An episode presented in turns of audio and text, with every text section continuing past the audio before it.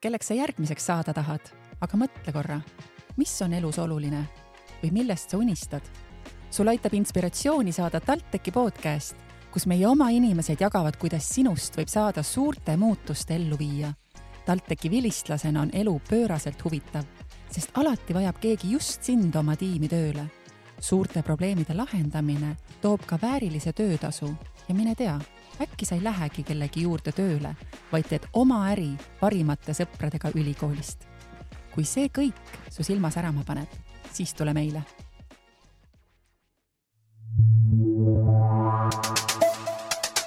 Tallinna Tehnikaülikool. kas sind huvitab, mis meie söögilauda katab, kuidas toitu toodetakse ja soovid valdkonda süvitsi tundma õppida? Toidu- ja biotehnoloogia bakalaureusekava ning toidutehnoloogia ja arenduse magistrikava valmistavad ette spetsialiste töötama kvaliteedikontrollis riigiasutustes kui ka teaduses. kuula meie podcastist, kuidas muuta maailma tervislikumaks ja jätkusuutlikumaks. mina olen Helerin Pihel, TalTechi turunduse kommunikatsiooni osakonna juhataja ja majandusteaduskonna magistrant. minuga vestlevad täna vilistlane Kaisa Orgusaar ja bakalaureuse õppekava tudeng Mihkel Külm ja tahangi kõigepealt Mihkli käest küsida, et äh, kuidas sa sellise valikuni jõudsid, et kas sa teadsid juba kümnendas klassis näiteks, et sinust saab äh, sellise õppekava tudeng? Kõigepealt tere kõigile, mina olen siis Mihkel ja mul on niisugune huvitav lugu, kuidas ma sain omal ajal tudengiks, et äh, gümnaasiumis mulle väga meeldis keemia, aga mulle väga meeldis teha ka süüa, nii-öelda teha süüa, töötasin samal ajal omal ajal restoranis. Mul oligi valik pärast gümnaasiumi lõppu, et kas minna siis kokaks õppima või minna õppima toidutehnoloogiat. ja noh, arutada sai siin pere ja vanemad kõik ütlesid, et kokana saad töötada terve elu, aga mine õpi ikka ülikoolis natuke omal ajal ka ja sihuke valik mul oligi, et lõpuks tulingi siis ülikooli toidutehnoloogiat õppima. küsime Kaisa käest sama küsimuse, et, et millal sina teadsid, et selline tulevik sind ees ootab? jah, tere ka minu poolt. Eh, mulle on alati meeldinud reaalained ja ma tahtsin eh, minna õppima siis kas midagi füüsikat, bioloogiat, keemiat, aga täpsemat sellist sisetunnet ei olnud aga samuti ma teadsin, ma tahan õppida oma kodulinna ülikoolis, et ma ei peaks minema tööle ja saaksin õpingutele keskenduda ning siis ma vaatasingi, et mida Tallinna Tehnikaülikool pakub. ja seal oli mitmeid erinevaid erialasid, aga lõpuks kuidagi sisetunde põhjal sai see valik tehtud. küsin Mihkli käest siis uuesti, et aga kuidas, kuidas siis on see õppetöö, et kas siin on olnud palju selliseid asju ka, mis sind üllatavad või, või olid sa selleks valmis, mis sind ees ootas?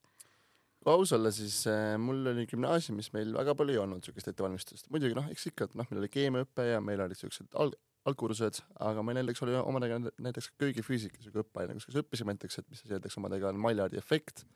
ja niisugused muud asjad. aga ausalt öelda siis, kui ma enne sisseastumist vaatasin seda õppekava kodulehel, ma olin nagu tundub enam-vähem okeiski olevat ja siis, kui ma võtsin omaga kohale, hakkasin õppima, siis tegelikult nagu väga valmis selle jaoks ei olnud aga õnneks niisugune äh, esimesed umbes aasta-pool on meil nii-öelda hästi selline baasõppekava, et kõik, et kõik saaks nii-öelda jääma samal tasemele nii-öelda füüsikas näiteks, orgaanilises keemias, matemaatikas, et niisugune alg, niisugune õpe on hästi tugev, et kõigi nende teadmisi nii-öelda ühtlustada ja samuti äge on ka see, et tegelikult juba esimesel nädalal lausa me läksime laborisse juba asju tegema, õppima, et äh, hästi niisugune praktiline õpe mis minu puhul hästi oluline on, kuna mul ise on vaja hästi palju sellist praktilist õpet juurde, et nii-öelda kinnistada see mat-, materjal, mida me õpime näiteks loengutes omadega. et see kindlasti oli niisugune suur hüpe mulle gümnaasiumist, mida ma ise väga ei oodanud, aga tegelikult äh, äh nüüd äh,, nüüd tagasi vaadates ma ütlen, et see oli väga õige otsus, et seda proovida, seda teha ja tunnen praegu, et kõik läheb väga hästi. Kaisa, sinul on juba paar aastat möödas äh, lõpetamisest, äh, et äh, kuidas sa tunned, kui sa tagasi vaatad niimoodi aastate kaupa, et, et mis, mis sellised oskused ajas on tugevamaks läinud ja, ja kas mõni selline mõte on ka jäänud, et esimene aasta oleks võinud juba rohkem mõnele ainele pühenduda?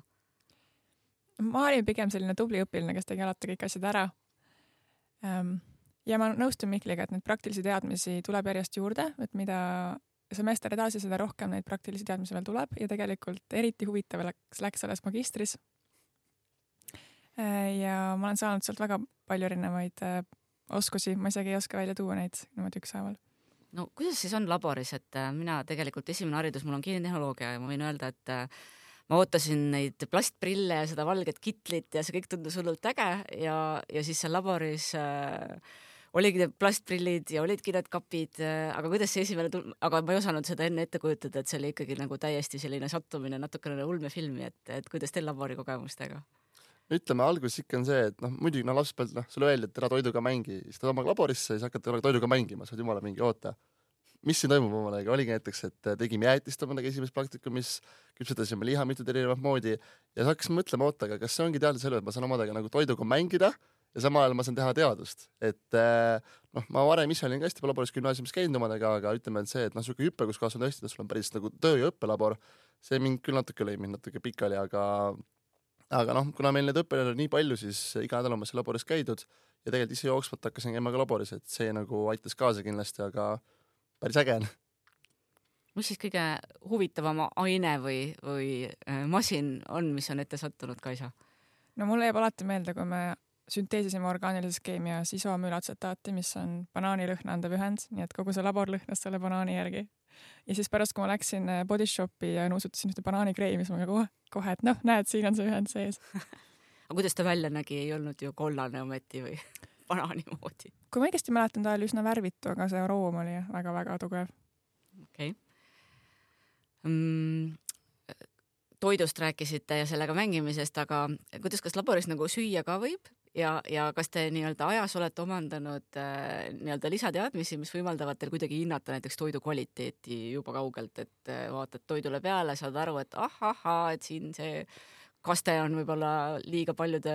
mingite keemiliste ühenditega rikastatud või midagi sellist või, või kas McDonaldsis on veel okei okay käia või enam üldse ei tahaks? Äh, meil on küll selline aine nagu toidusensoorne analüüs, kus me õpimegi toitu hindama nii visuaalselt kui ka maitsemeelte kaudu ja see oli ka üks minu lemmikõppeainetest, mis avardab tegelikult seda teadlikkust sellest, kuidas me üldse toitu tajume väga palju.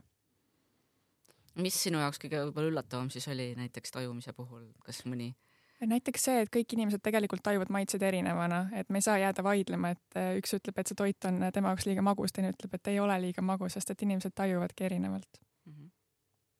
jah, ma siinkohas äh, siis tsiteeriks enda laboritöövõtete õppejõudu äh, läks meestele, mis üldse omadega on.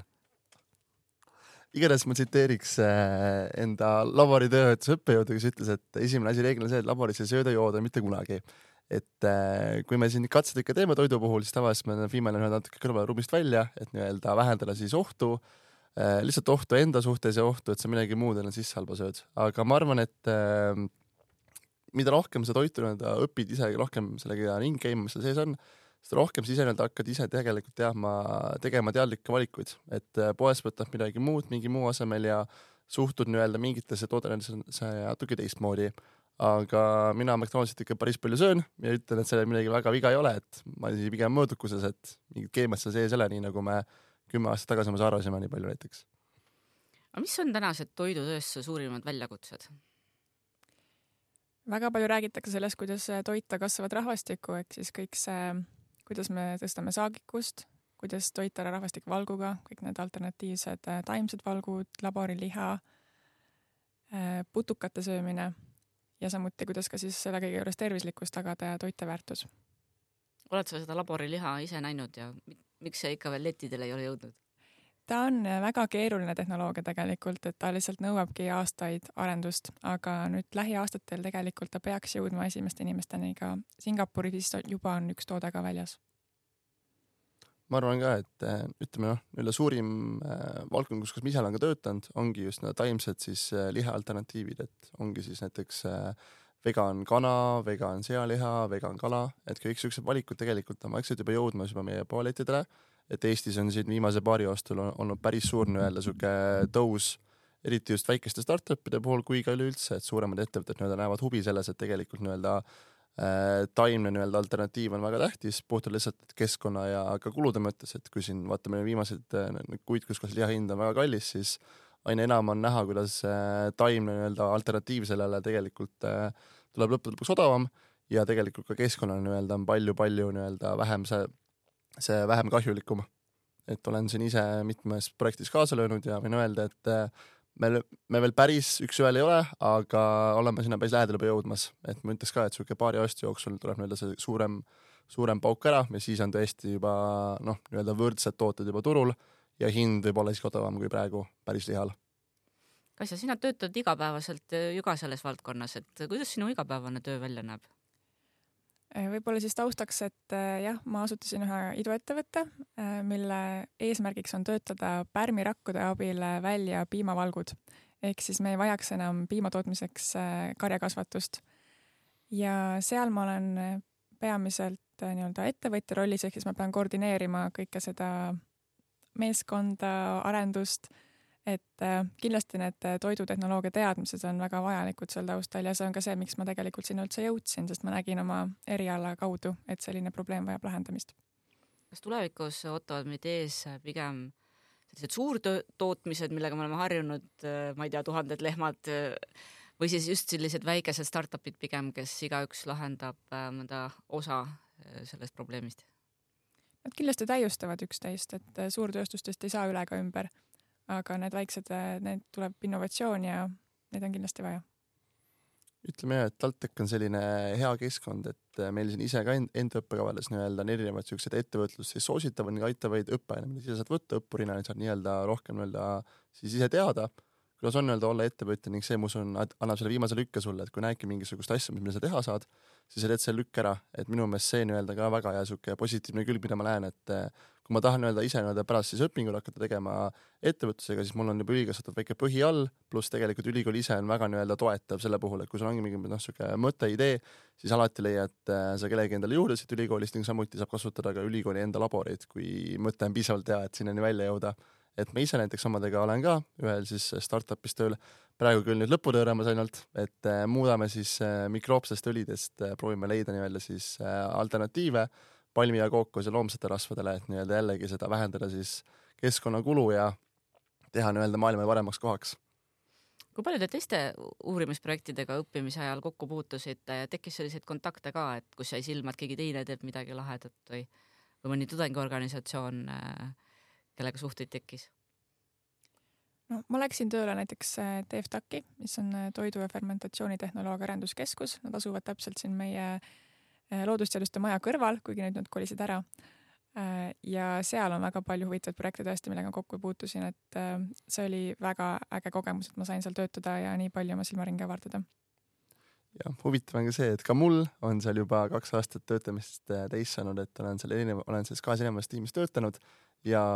olen ise ka näinud, et tegelikult eh, see tippteadus, mis tehakse Eestis just siinsamas kodu nii-öelda koduaias meil, tegelikult on maailmatasemel ja ma ütlen, et eh, Eesti nii-öelda ise kui nii-öelda selle valikuna, kuhu saab minu meelest noh, pärast tööle minna, pärast õpingut tegelikult on väga suur ja nagu Kais ütles ka, et see ettevõtluse jaoks on väga hea niisugune baas olemas selle pealt kindlasti. aga tudengielu kohta siis äh, üks põhjus, miks ma just, miks ma tulin üldse oma TalTechi teed, on tudengielu, et äh, siinkohas tudengielu on äh, ma ütleks noh, täiesti, ma ütleks pool õpingukavadest, et sul on siin äh, nii palju erinevaid organisatsioone, alustades näiteks filmiklubist, robotiklubist, äh, fotoklubist või turundusklubist, lõpetades selliste suurte organisatsioonidega nagu näiteks Best Estonia või üleüldse meie enda õppekogud, näiteks siuksed need üliõpilaskogud, et äh,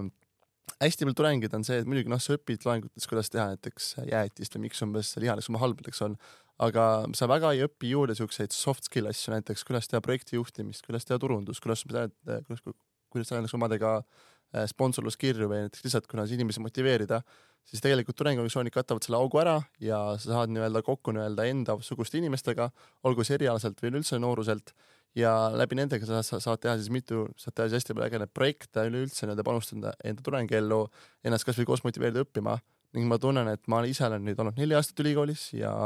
alustan sama palju tudengiellu ja ma arvan, et sealt saadud kogemused on peaaegu võrdväärt sellega, mis ma olen ise päriselt koolis õppinud. et see kindlasti on üks koht, mida ma saan öelda, et kui ma lõpetan kooli ära, siis minu CV on vähemalt, ma usun, poole võrra suurem kui nendel, kes nii-öelda lihtsalt niisama tuleksid siia õppima.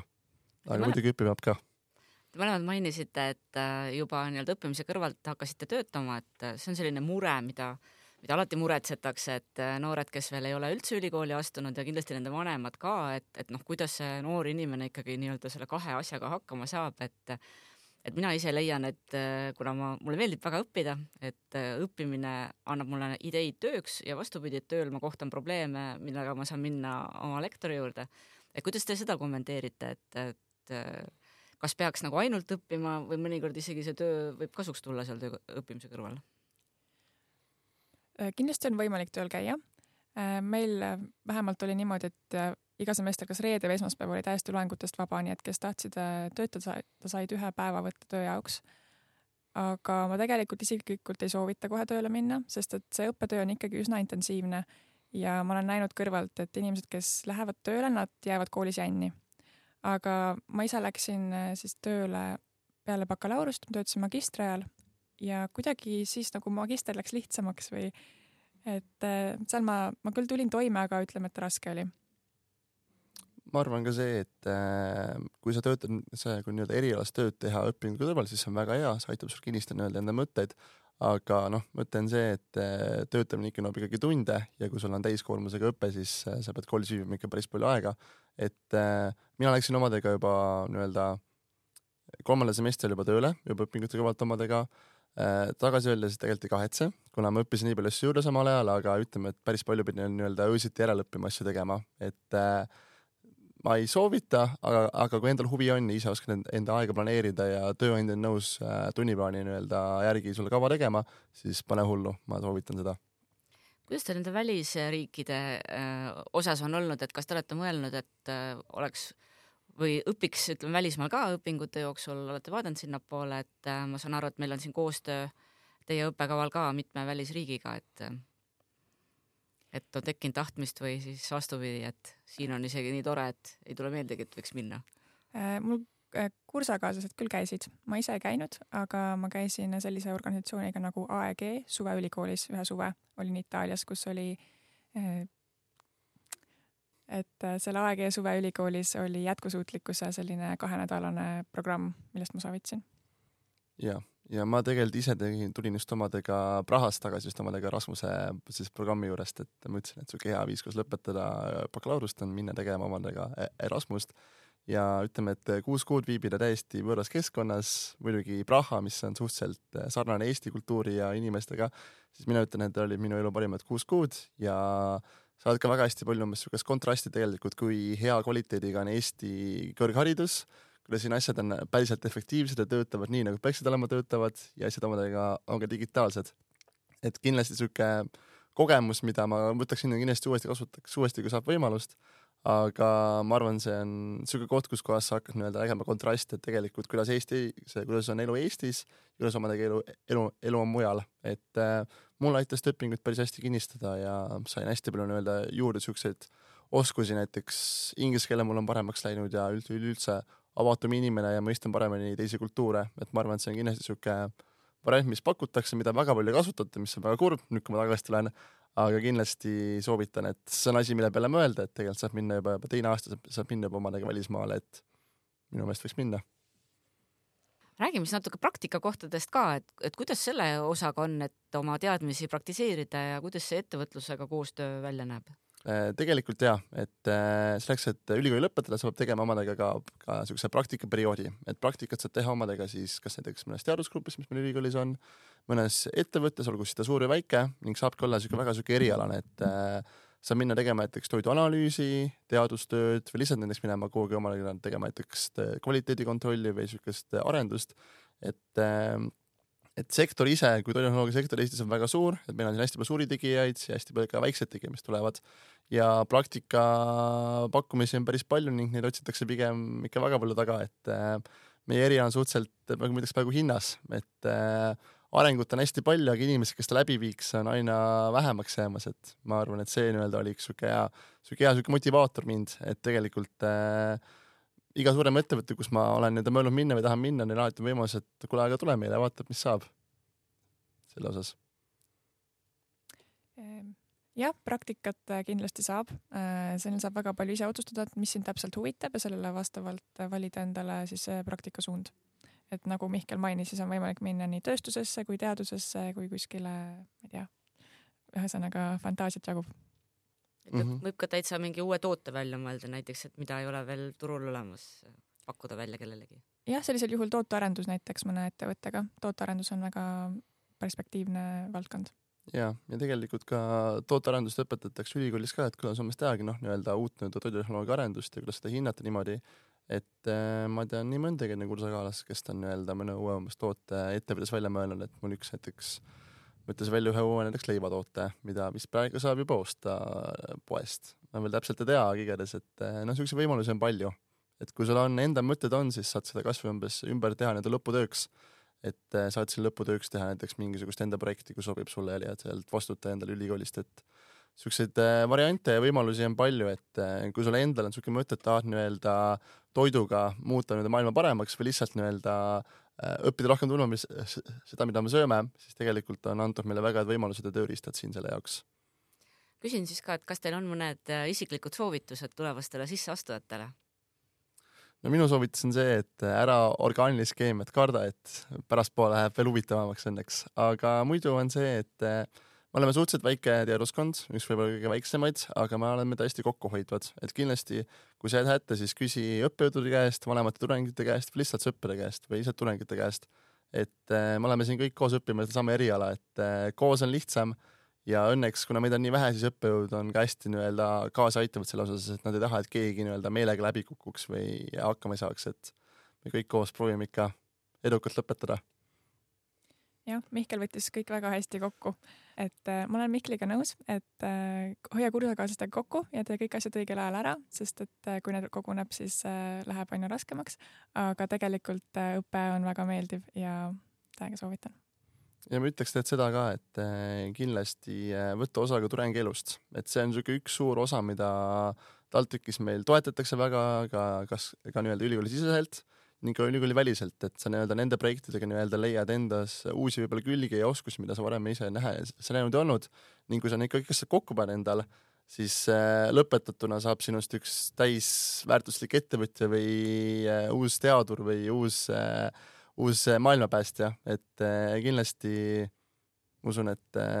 need võimalused, mis meile antud, need tuleb ära kasutada ja ka jagada teistega.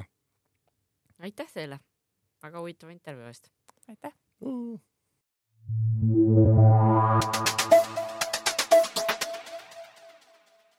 Aitäh, et kuulasid TalTechi podcasti. palun jaga saadet vähemalt ühe inimesega, keda see sinu arvates võiks inspireerida. Kuulmiseni